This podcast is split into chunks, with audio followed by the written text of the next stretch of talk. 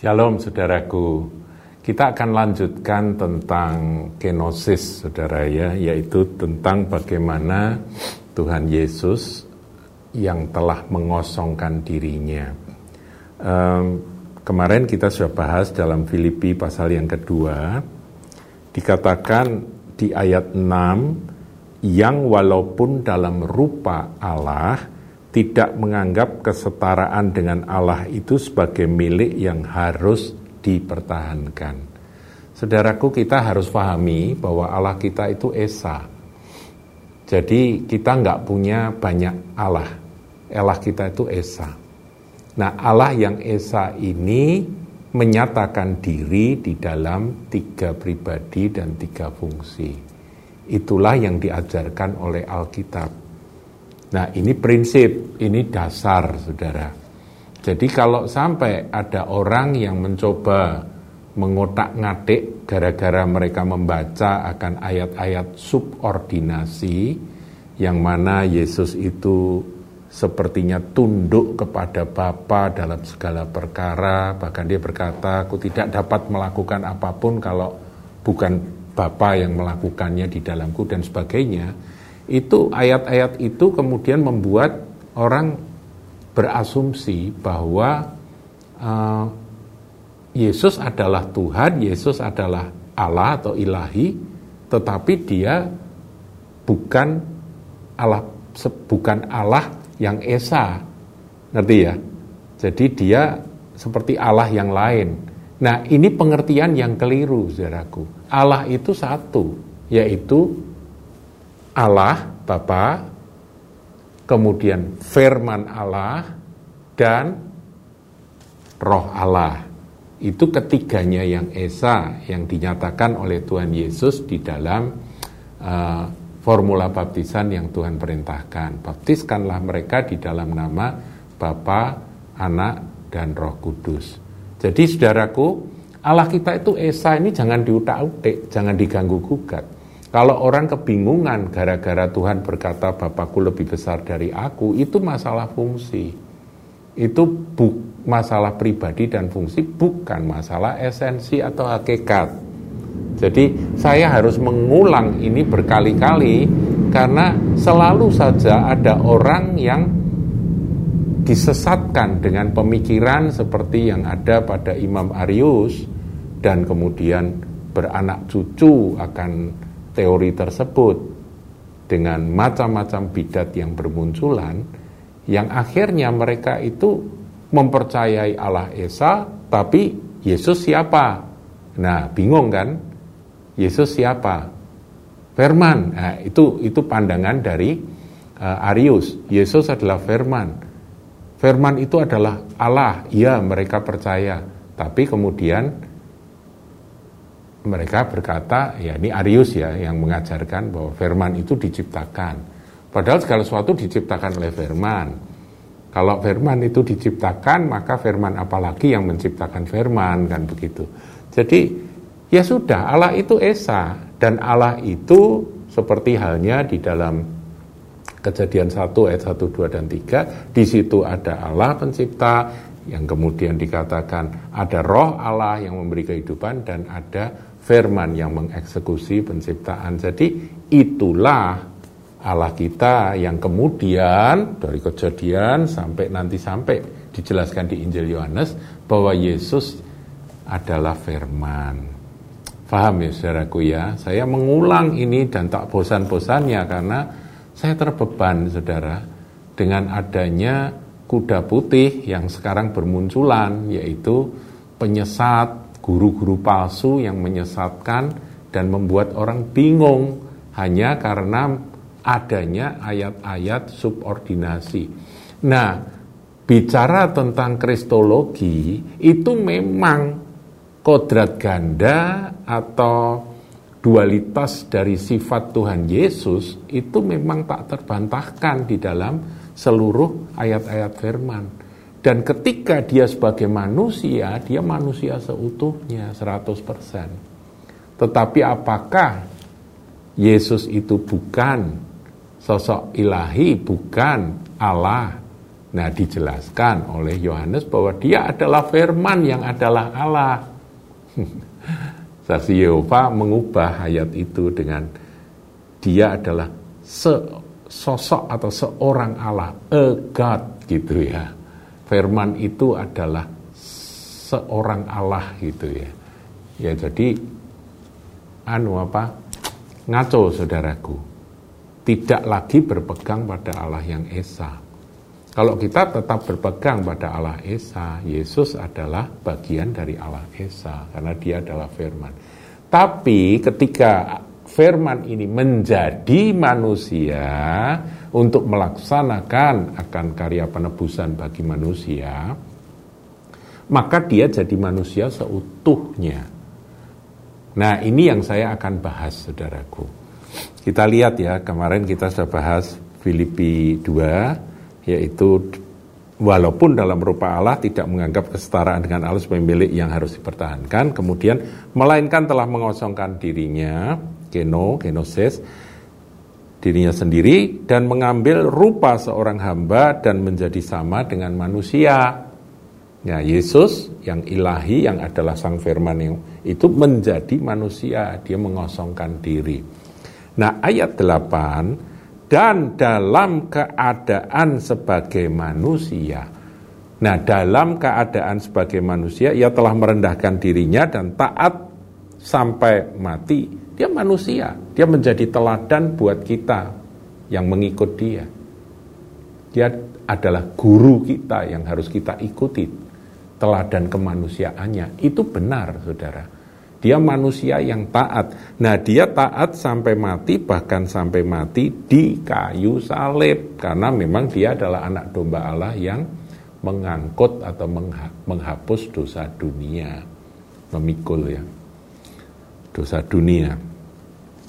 Nah, itulah sebabnya ayat 9. Allah sangat meninggikan dia dan mengaruniakan kepadanya nama di atas segala nama. Yesus yang menjadi manusia itu dikaruniai oleh Allah, ditinggikan dan diberi nama di atas segala nama. Sebetulnya nama di atas segala nama itu hanya dapat disandang oleh Allah sendiri. Karena memang ada sisi keilahian dari sang putra atau sang firman ini. Tetapi sebagai manusia ketaatannya itulah yang menjadi contoh teladan bagi kita semua. Nah, ada pendeta yang mengekstrimkan akan sisi kemanusiaan, sisi ketaatan dan sebagainya sampai akhirnya mereka menolak akan sisi keilahian dari Yesus. Ditolak, saudaraku.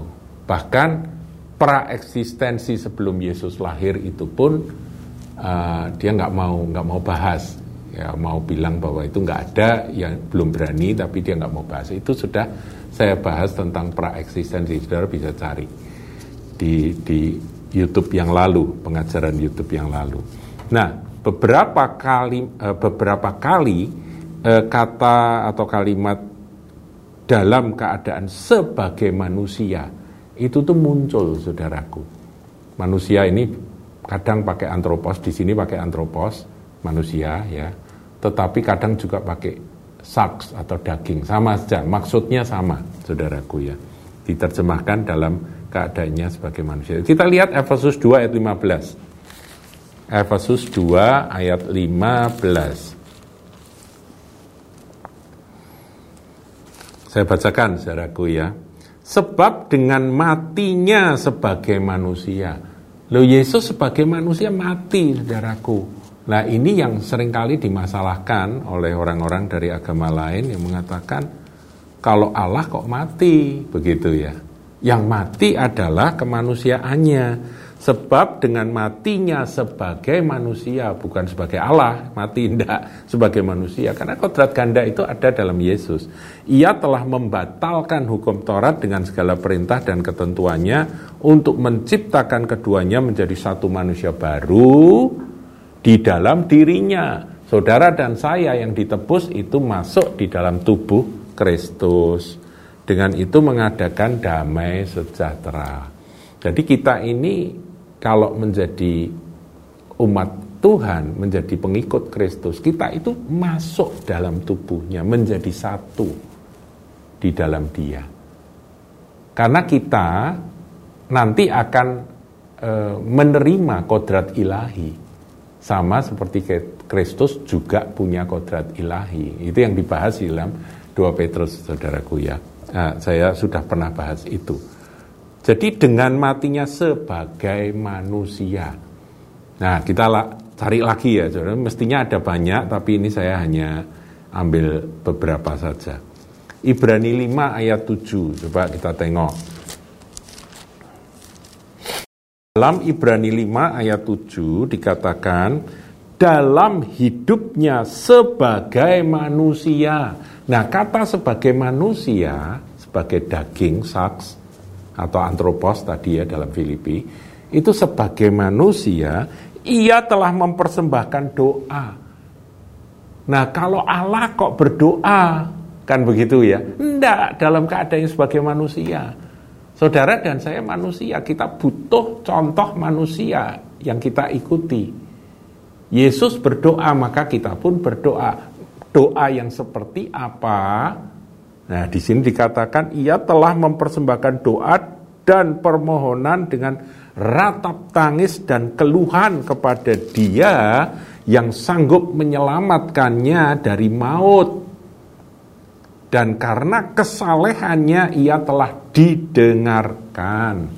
Saudaraku, jangan terus saudara berkata atau berpikir bahwa, loh, dia saleh karena dia Allah. Enggak, dia manusia, betul. Jadi 100% manusia dan dia memang tidak bercacat celah karena dia memang tidak ada dosa. Nah, itulah yang ditulis di dalam Ibrani. Ikutlah teladan dia.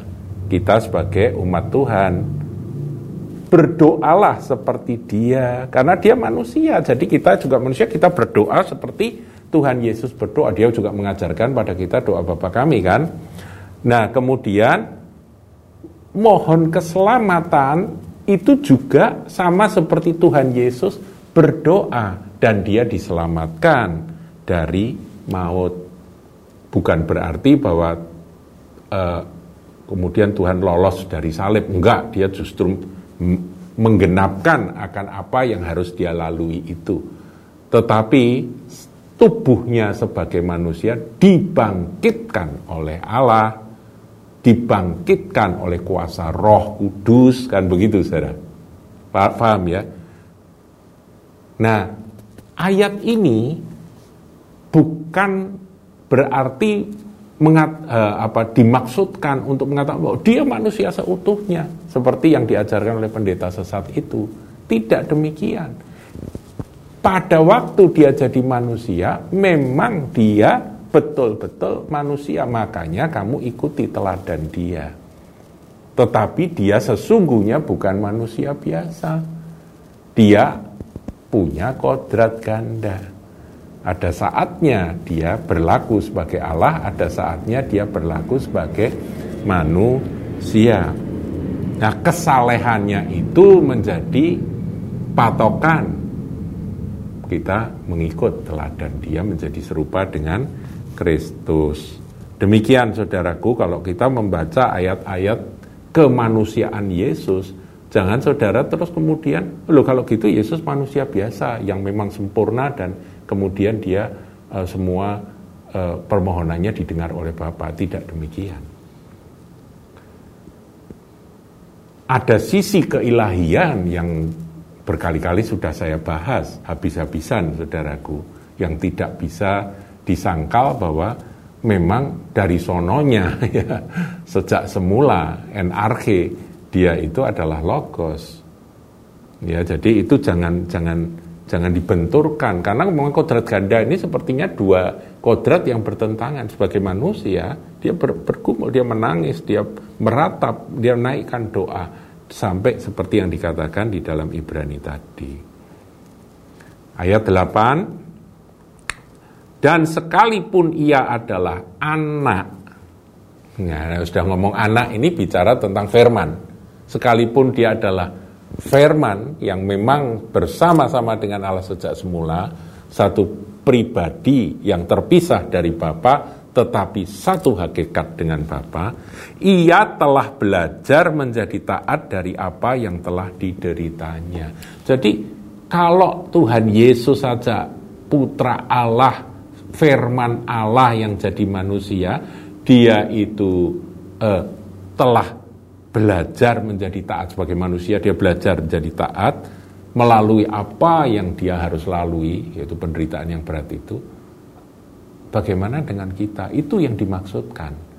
Bagaimana dengan sikapmu? Jadi kita kalau memandang Yesus sebagai manusia, ya kita ikuti teladan kemanusiaan Tuhan Yesus. Itu yang diajarkan oleh Alkitab. Tetapi kita juga memahami dan menerima dan mempercayai bahwa dia adalah sang firman yang kekal. Ya, Demikian. Satu lagi, saudaraku.